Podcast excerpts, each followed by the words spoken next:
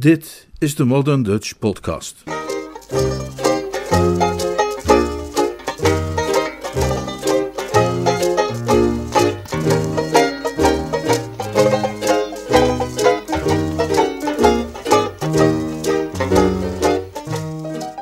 Het meisje in de taxi. Een roman van P.G. Woodhouse. Vertaald en voorgelezen door Leonard Beuger.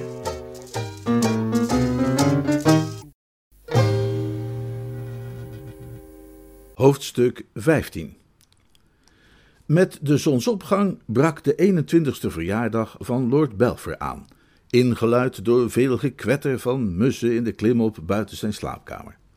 Dat hoorde Percy niet, want het was laat geworden en hij was nog diep in slaap. Het eerste geluid dat door zijn zware sluimer kon heendringen en hem deed beseffen dat zijn verjaardag was aangebroken, was de doordringende kreet van Reggie Bing in de badkamer aan de andere kant van de gang. Het was Reggie's onrustbarende gewoonte om zichzelf met luide kreten aan te moedigen alvorens in een koud bad te springen. En het geluid van deze uitvoering, gevolgd door een hoop gespetter en een reeks felle kreten die het werken met de spons begeleidden, maakte binnen een straal van vele meters het slapen onmogelijk. Percy ging rechtop zitten in bed en vervloekte zwijgend zijn vriend Reggie. Hij constateerde dat hij hoofdpijn had. Even later vloog de deur open en kwam de zanger persoonlijk binnengelopen. Rooskleurig, met verwarde haren en gekleed in een roze badjas. Hartelijk gefeliciteerd, knullegie, beste vent! Reggie barstte uit in een onstuimig gezang. Ben 21 jaar, ik heb het helemaal voor elkaar. Het is vandaag mijn grote feest, ik ben nog nooit zo blij geweest. De voordeursleutel heb ik nu en ik ben net zo vrij als u. Hyper de piep, hoera, ik ben 21 jaar. Lord Belfer fronste somber het voorhoofd. Ik wou dat jij niet zo'n helskabaal maakte. Wat voor helskabaal? Oh, dat gezang. Mijn god, je kwetst me, zei Reggie. ik heb hoofdpijn. Ik dacht wel dat je dat zou krijgen, knul. Met de manier waarop ik jou gisteravond zag innemen, zeg.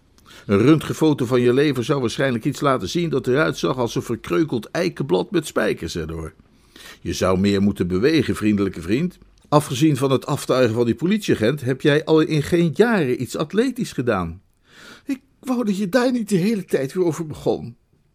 Reggie ging op het bed zitten. Even onder ons, kerel, zei hij vertrouwelijk. Ook ik, ikzelf dus, Reginald Bing persoonlijk. Ik was misschien gisteravond ook een tikje boven mijn theewater. Ik zeg je eerlijk dat ik vlak na het diner drie versies van jouw oom de bisschop naast elkaar zag staan. Echt waar. Ik dacht even dat ik verdwaald was geraakt op een bisschopsfeestje in de Exeter Hall of uh, op de Athenaeum Club of waar die jongens ook hun gelagen houden. Toen klonterden die drie bisschoppen weer min of meer samen tot één bisschop, beetje vaag qua contouren, en voelde ik me heel opgelucht. Maar wat me ervan overtuigde dat ik toch wel een fles of wat te veel had gelicht, was iets nogal merkwaardigs dat een tijdje later gebeurde. Is het jou wel eens overkomen tijdens zo'n feest der rede en gemeenschap der zielen, wanneer je bruiste van joie de vivre, dat je dingen hebt gezien? Eh, wat ik wil zeggen is dat ik gisteravond een hele vreemde, verwarrende ervaring heb gehad. Ik had kunnen zweren dat een van die oberjongens die kerel was die jou in Piccadilly je hoed van je hoofd heeft geslagen. Lord Belfer, die toen Reggie binnenkwam weer in de kussens was teruggezakt en maar met matige aandacht naar zijn gebabbel had geluisterd, schoot overeind in bed. Wat? Absoluut, mijn fout natuurlijk, maar het was zo. Het had zijn dubbelganger kunnen zijn. Maar je hebt die man nog nooit gezien. Oh jawel, dat heb ik wel. Oh, dat was ik je nog vergeten te vertellen, ja. Die kwam ik gisteren tegen op de golfbaan. Ik was daar in mijn eentje heen gegaan, in de verwachting dat ik een rondje zou kunnen doen met de pro. Maar toen ik die Piccadilly-jongen daar aantrof, stelde ik hem voor samen een rondje te doen. We hebben 18 holes gedaan en hij heeft me compleet ingemaakt. IJzersterk was hij. En na ons potje heeft hij me meegenomen naar zijn huisje en me wat te drinken gegeven. Hij woont in dat huisje naast de boerderij van Plet en dat was dus echt diezelfde knabo. We zijn beste maten geworden. Broeders, zeg maar, absoluut. Dus je snapt wat een schok het was diezelfde avond te ontdekken dat wat ik aannam dat dezelfde man was, drankjes liep te serveren aan de goede gemeente. Echt zo'n vervelende toestand waar je hoofd een beetje van gaat duizelen, weet je wel, en waardoor je helemaal je zelfvertrouwen kwijtraakt. Lord Belfer antwoordde niet. Zijn hoofd tolde. Hij had dus toch gelijk gehad. Weet je, ging Reggie ernstig verder, ik denk dat jij de miskleun van je leven aan het maken bent wat die hoedemapper betreft. Je hebt hem verkeerd ingeschat. Zijn hele geschikte peer. Neem dat er maar van mij aan. Niemand had beter uit die bunker bij de vijftiende hol kunnen komen dan hij. Neem mijn raad aan en sluit vrede met die man. Een eerste klas golfer is precies wat je nodig hebt in een familie. Trouwens, zelfs als ik buiten beschouwing laat dat hij dingen kan doen met een ijzeren negen, waarvan ik dacht dat niemand behalve de pro dat voor elkaar kreeg, is het gewoon een toffe figuur. Een goede kerel in ieder opzicht. Ik mocht hem meteen. Die jongen deugt. Zorg dat je hem binnenhaalt, knullegie, voordat hij verdwijnt. Dat is wat ik je aanbeveel. Daar zul je geen spijt van krijgen. Van de eerste tot de laatste hole heeft die knul geen enkele drive verknoeid. En zijn approach put moet je gewoon gezien hebben om te kunnen geloven. Maar goed, ik moet me nu eerst even gaan aankleden, lijkt me zo. Ik kan niet de lente van mijn leven verspillen door hier met jou te gaan zitten praten. Toedeloe, kereltje, ik zie je nog wel. Lord Belfer sprong zijn bed uit. Hij voelde zich slechter dan ooit en een blik in de spiegel leerde hem dat hij er zelfs nog slechter uitzag dan dat hij zich voelde. Laat naar bed en te weinig slaap, gecombineerd met de noodzaak van een scheerbeurt, maakte altijd dat hij eruit zag als iets dat had moeten worden opgeveegd en in de vuilnisbak gegooid. En wat zijn fysieke toestand betreft, een mens ging zich nooit beter voelen door met Reggie Bing te praten als hij hoofdpijn had. Reggie's manier van doen was nooit erg rustgevend en die ochtend was zijn onderwerpkeuze ook nog eens buitengewoon irritant geweest. Lord Belfer was het er met zichzelf over eens dat hij niet veel van Reggie begreep. Hij had ook nooit helemaal helder gekregen wat nu precies de relatie was tussen R. Bing en zijn zuster Maud. Maar hij had altijd de indruk gekregen dat, al waren ze dan niet echt verloofd, ze toch steeds op het punt stonden dat te worden. En het was heel raar om te moeten luisteren naar Reggie, die de aanspraken van een rivaal bepleitte, alsof hij zelf helemaal geen belang had bij de affaire.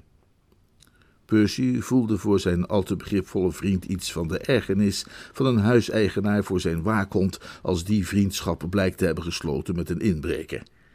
Reggie zou toch meer dan wie ook moeten schuimbekken van woede over de onbeschaamdheid van zo'n Amerikaanse kerel die naar Belver bleek te zijn gekomen en zich onder de muren van het kasteel had genesteld. In plaats daarvan leek hij een houding tegenover die figuur te hebben aangenomen die zelfs commentaar zou hebben uitgelokt als het om David ging tegenover Jonathan. Hij scheen al zijn vrije tijd eraan te besteden om met die kerel rond te dollen op de golfbaan en gezellig met hem te gaan zitten doen bij hem thuis.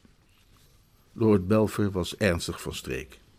Het was nu onmogelijk om het te bewijzen of er nu iets aan te doen, maar hij was ervan overtuigd dat de man zich vermomd als ober het kasteel had binnengewurmd. Waarschijnlijk had hij Mote daar gesproken en plannetjes gesmeed voor verdere ontmoetingen met haar.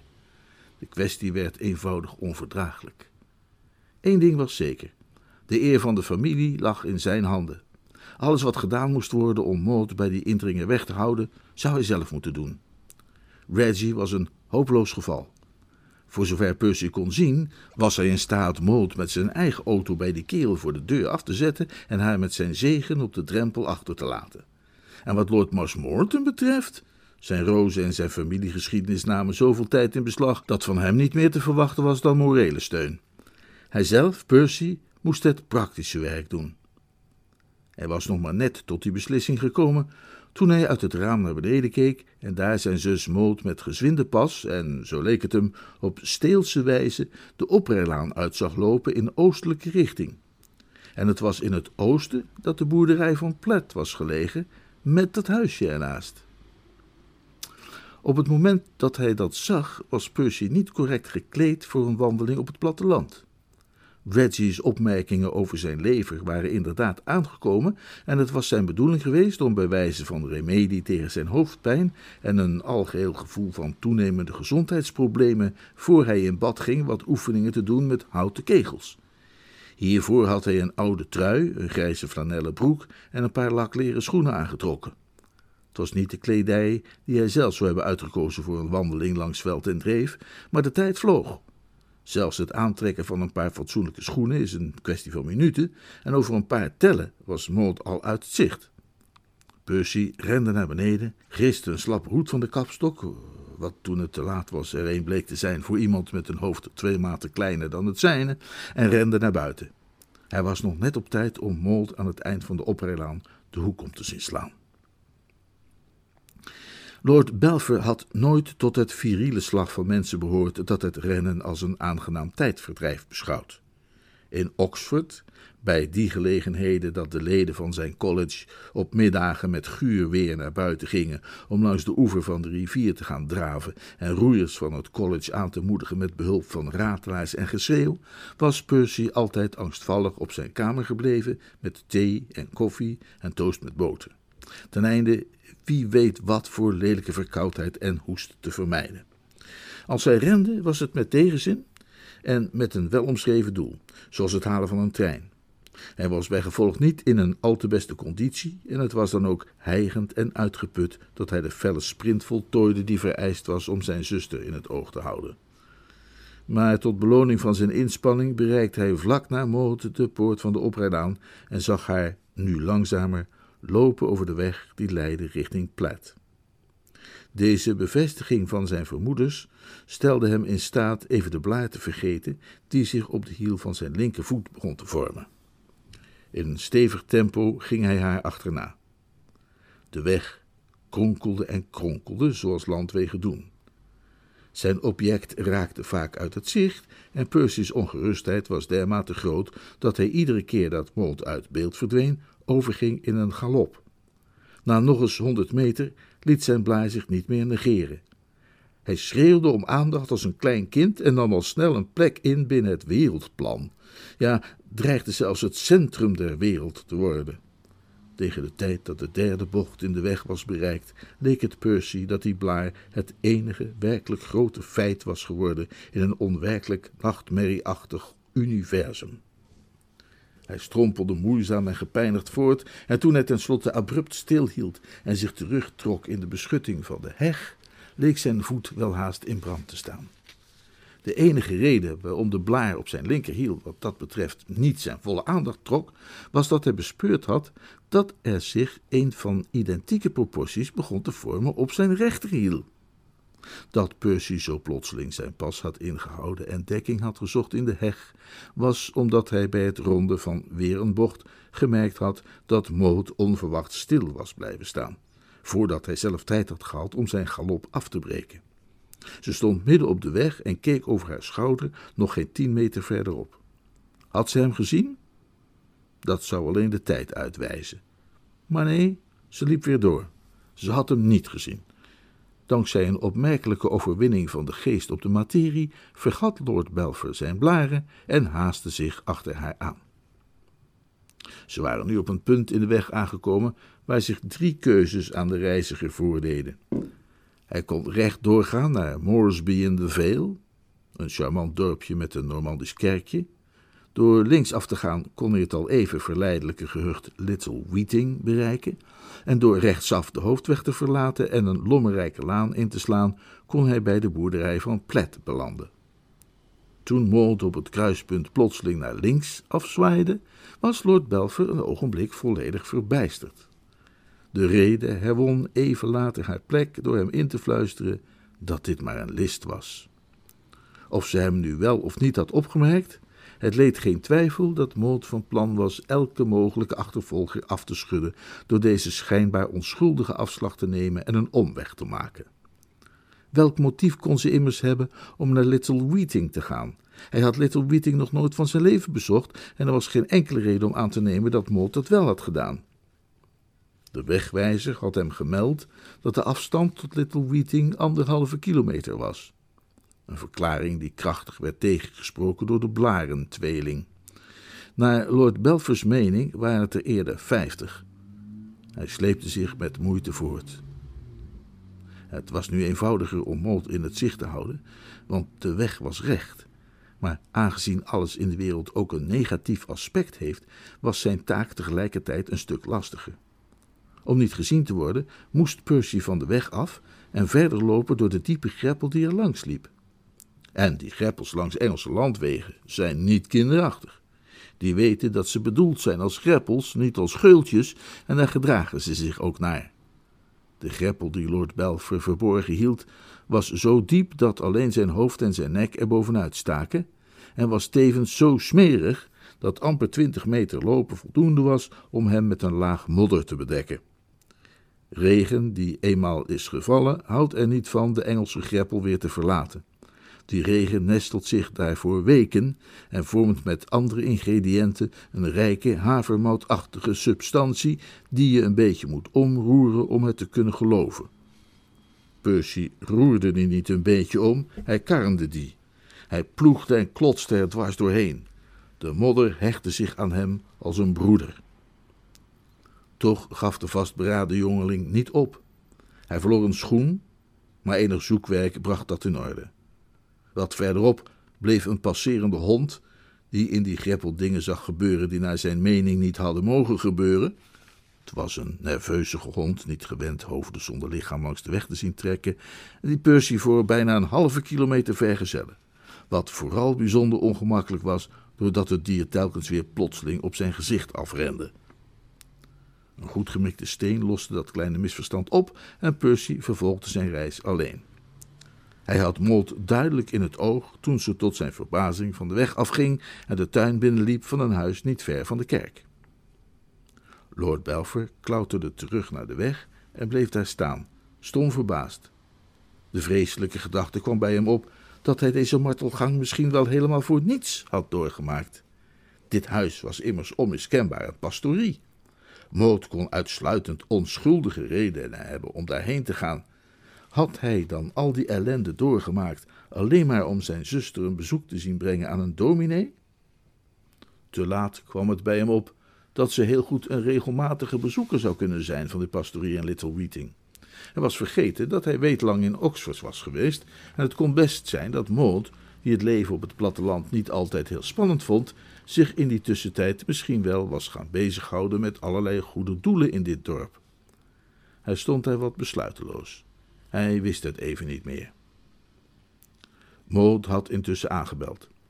Sinds ze onderweg over haar schouder had gekeken en haar broer Percy op de achtergrond had zien rondsluipen, was haar nijvere jonge geest begonnen plannetjes te bedenken om hem op een dwaalspoor te brengen. Ze moest George die ochtend echt te spreken zien te krijgen. Ze kon niet nog een dag langer wachten tot ze eindelijk een manier had om contact te leggen tussen haarzelf en Geoffrey. Maar pas toen ze Little Weeting bereikte, had ze een plan bedacht dat succes beloofde. Een keurige meid deed open. Is de dominee thuis? Nee, juffrouw. Hij is een half uur geleden de deur uitgegaan. Even was Maud net zo uit het veld geslagen als haar broer Percy, die nu uitgeput tegen het muurtje rond de pastorietuin leunde. O jee, zei ze. De meid voelde met haar mee. Maar Mr. Ferguson, zijn hulppredikant, is er wel, als u dat helpt. Maud klaarde op. Oh, maar dat is prima. Wil je hem vragen of ik hem even kan spreken? Heel goed, juffrouw. Wat is uw naam? Hij zal mijn naam niet kennen. Zeg maar alsjeblieft dat een dame hem wil spreken. Zeker, juffrouw. Komt u binnen, juffrouw? De voordeur ging dicht achter Maud. Ze volgde de meid naar de salon. Even later kwam er een jeugdige, wat klein uitgevallen dominee binnen. Hij had een vriendelijk, goedhartig gezicht. Hij oogde wakker en hulpvaardig. U wilde mij spreken?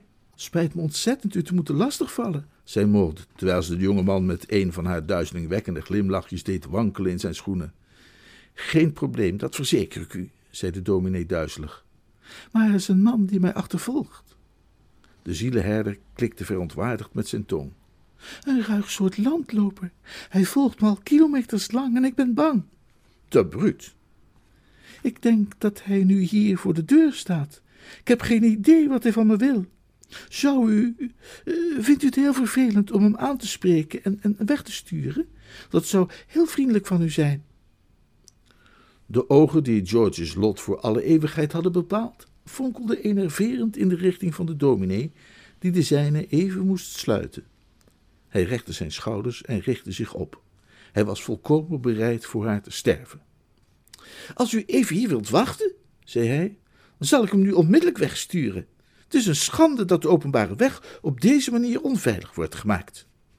Ik ben u heel erkentelijk, zei Maud dankbaar. Ik denk dat de arme kerel misschien niet helemaal normaal is. Zo vreemd van hem om mij dat hele eind te achtervolgen en door de greppel te lopen. Door de greppel te lopen? Ja, het grootste stuk liep hij door de greppel die langs de weg loopt.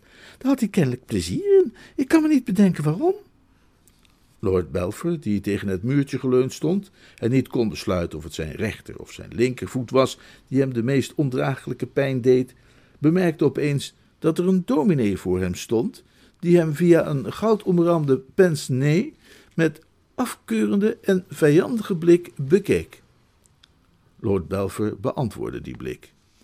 Geen van beiden kreeg een erg positieve indruk van de ander. Percy vond dat hij wel vriendelijker dominees had gezien, en de predikant dacht dat hij meer innemende zwervers was tegengekomen. Kom, kom, zei de dominee, dat gaat zo niet, kerel. Een paar uur daarvoor was Lord Belfer onaangenaam verrast geweest toen George hem aangesproken had met meneer. Nu zelfs eenvoudig kerel te worden genoemd, benam hem volledig de adem. De gave om onszelf te kunnen zien zoals anderen dat doen, is, zoals de dichter beschrijft, maar weinig mensen geschonken. Lord Belfer, die niet tot die schaarse gelukkigen behoorde, had geen flauw idee hoe intens weerzinwekkend zijn persoonlijke verschijning op dat moment was.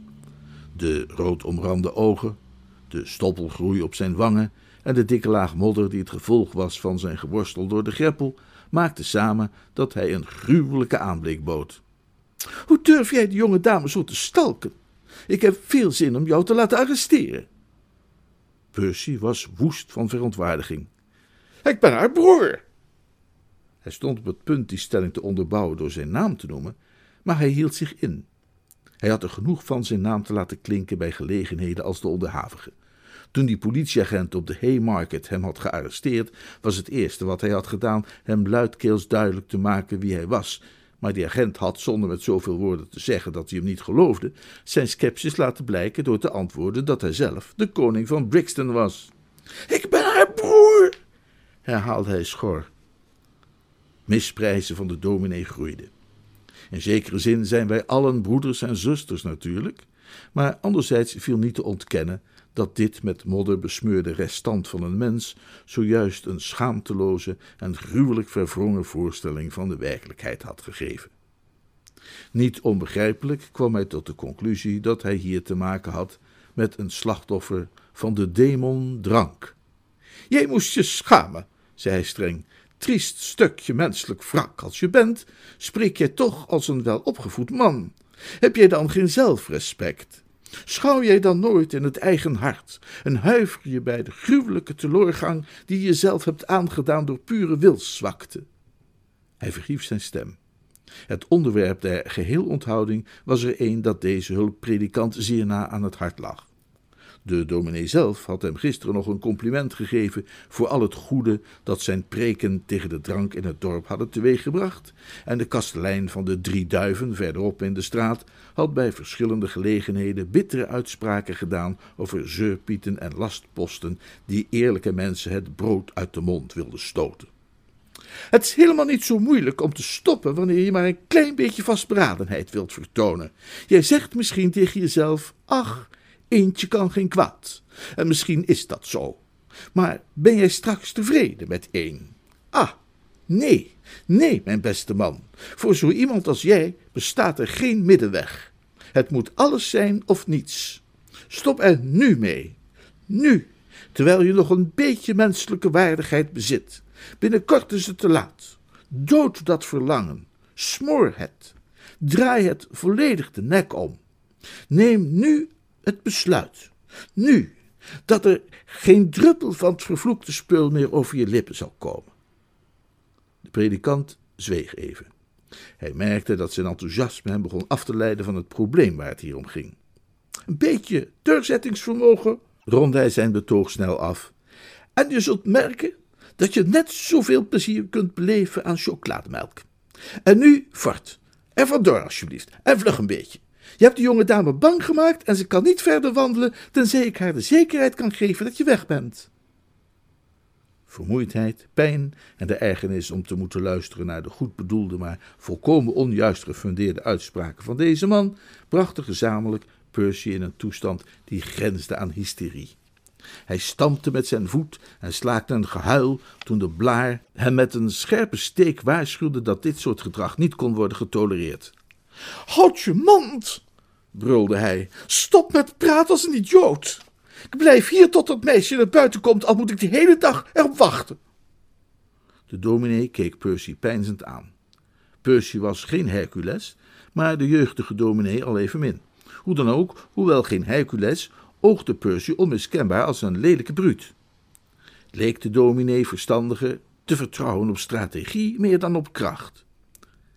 Hij zweeg even als iemand die de voor's en tegens afweegt en zei toen kortweg, met de houding van iemand die besloten heeft de ander een eindje tegemoet te komen: eh, Ja, ja, maar eh, daar kunnen we niet aan beginnen. U zegt dat u de broer bent van die jonge dame? Jazeker. Nou kunt u misschien maar even beter met mij mee naar binnen gaan. Dan kunnen we haar dat persoonlijk vragen. Oké, kom mee. Percy liep achter hem aan langs het keurige grindpad en over het nette stenen stoepje. Maud, die tussen de gordijnen doorgluurde, vreesde dat ze het slachtoffer ging worden van een monsterlijk verraad dan wel van een even monsterlijke blunder. Maar dan kende ze de eerwaarde Cyril Ferguson nog niet. Geen enkele generaal die de vijand listig op het verkeerde been had gezet door zich strategisch terug te trekken, had zijn zaakjes ooit grondiger onder controle gehad. Hij liep met zijn metgezel door de open deur het huis binnen en ging hem voor naar een deur aan de andere kant van de gang, die discreet gesloten was. Wacht hier, zei hij. Lord Belver stapte niets vermoedend over de drempel. Een hand duwde hem krachtig in de onderrug. Achter hem sloeg een deur dicht en klikte een sleutel. Hij zat vast. In een Egyptische duisternis om zich heen tastend, vonden zijn handen een jas, een hoed en toen een paraplu. Vervolgens struikelde hij over een golfclub en viel hij tegen een muur. Het was te donker om iets te zien, maar zijn tastzin vertelde hem wat hij weten moest. Hij was toegevoegd aan de verzameling rommel die de dominee bewaarde in de daartoe bestemde rommelkast. Op de tast vond hij de deur en schopte er tegen. Die voorstelling werd niet geprolongeerd. Zijn voeten waren niet in een conditie om ergens tegen te schoppen. Onze dappere Percy gaf de strijd op. Zachtjes vloekend ging hij zitten op een kist met croquet-spullen en probeerde na te denken. Zo, u bent nu veilig hoor, zei de pastoor in de aangrenzende kamer, niet zonder een vleugje zelfgenoegzaamheid, zoals het de overwinnaar in een strijd der intellecten ook wel toekomt. Ik heb hem opgesloten in de rommelkast. Daar zit hij wel even op zijn gemak. Dat was niet helemaal juist, maar goed. En u kunt uw wandeling in alle veiligheid voortzetten. Oh, ontzettend bedankt, zei Maud. Ik hoop alleen dat hij niet gewelddadig wordt als u hem er weer uitlaat. Ik ga hem er niet zelf uitlaten, antwoordde de dominee, die wel dapper was, maar niet roekeloos. Eh, die taak zal ik overlaten aan onze eerbiedwaardige vriend Willis, in wie ik alle vertrouwen heb. Hij is, voor alle duidelijkheid, de smid hier in het dorp. En zo gebeurde het dat toen Percy, na een waken die een leven lang leek te duren, de sleutel in het slot hoorde omdraaien en naar voren stormde op zoek naar wie hij kon verslinden, hij vrijwel onmiddellijk daarna rust vond voor zijn opgewonden zenuwstelsel. Tegenover hem stond namelijk een enorme kerel met spieren die net als die van die andere, door de beroemde dichter bezongen dorpsmid, overduidelijk zo sterk waren als ijzeren banden. De man keek Percy aan met kille blik. En, zei hij, wat is jouw probleem? Percy slikte. Puur het uiterlijk van de man werkte als een kalmerend middel. Uh, niets, antwoordde hij, niets. Dat lijkt mij, mij beter ook, zei de man op duistere toon. Dominee Ferguson heeft me dit gegeven om aan jou te geven. Pak aan. Percy pakte het aan. Het was een shilling. En dit ook. Het tweede geschenk was een kleine brochure getiteld Nu is de tijd. En leek een of ander verhaal te bevatten. In ieder geval vielen Percy's ogen voordat ze begonnen te tranen op een manier die fatsoenlijk lezen verhinderde op de woorden: Job Roberts was een man die altijd veel gedronken had, maar op een dag toen hij uit de kroeg kwam. Hij stond op het punt het geschriftje weg te smijten, maar toen trof hem de blik van Mr. Willis en hij bedacht zich. Zelden had Lord Belfer een man ontmoet met een sprekender blik. En nou opgehoepeld, zei de man, maak dat je wegkomt. Hè? Dan kijk ik even hoe jij dat doet. En als ik ziet dat jij stiekem naar de drie duiven gaat. Zijn stilte was welsprekender dan zijn woorden en bijna net zo welsprekend als zijn blik. Lord Belfer borg de brochure onder zijn trui, stopte de shilling in zijn zak en verliet het huis. Bijna anderhalve kilometer langs de weg die hij niet gauw meer vergeten zou, voelde hij een bijzondere aanwezigheid achter zich, maar hij vervolgde zijn weg zonder een blik achterom te werpen.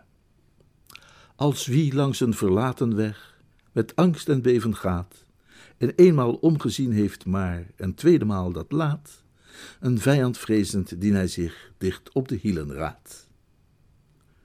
Moot liep door de velden naar het huisje bij de boerderij van Plet. Haar hart was zo licht als het briesje dat de groene heggen deed ritselen. Vrolijk stapte ze op de deur van het huisje toe. Ze had haar hand al opgeheven om te kloppen, toen van daarbinnen het geluid klonk van een welbekende stem. Ze had haar doel bereikt, maar haar vader was haar voor geweest.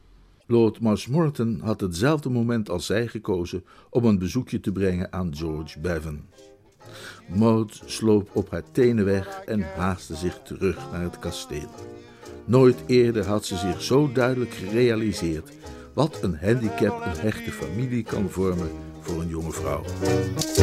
I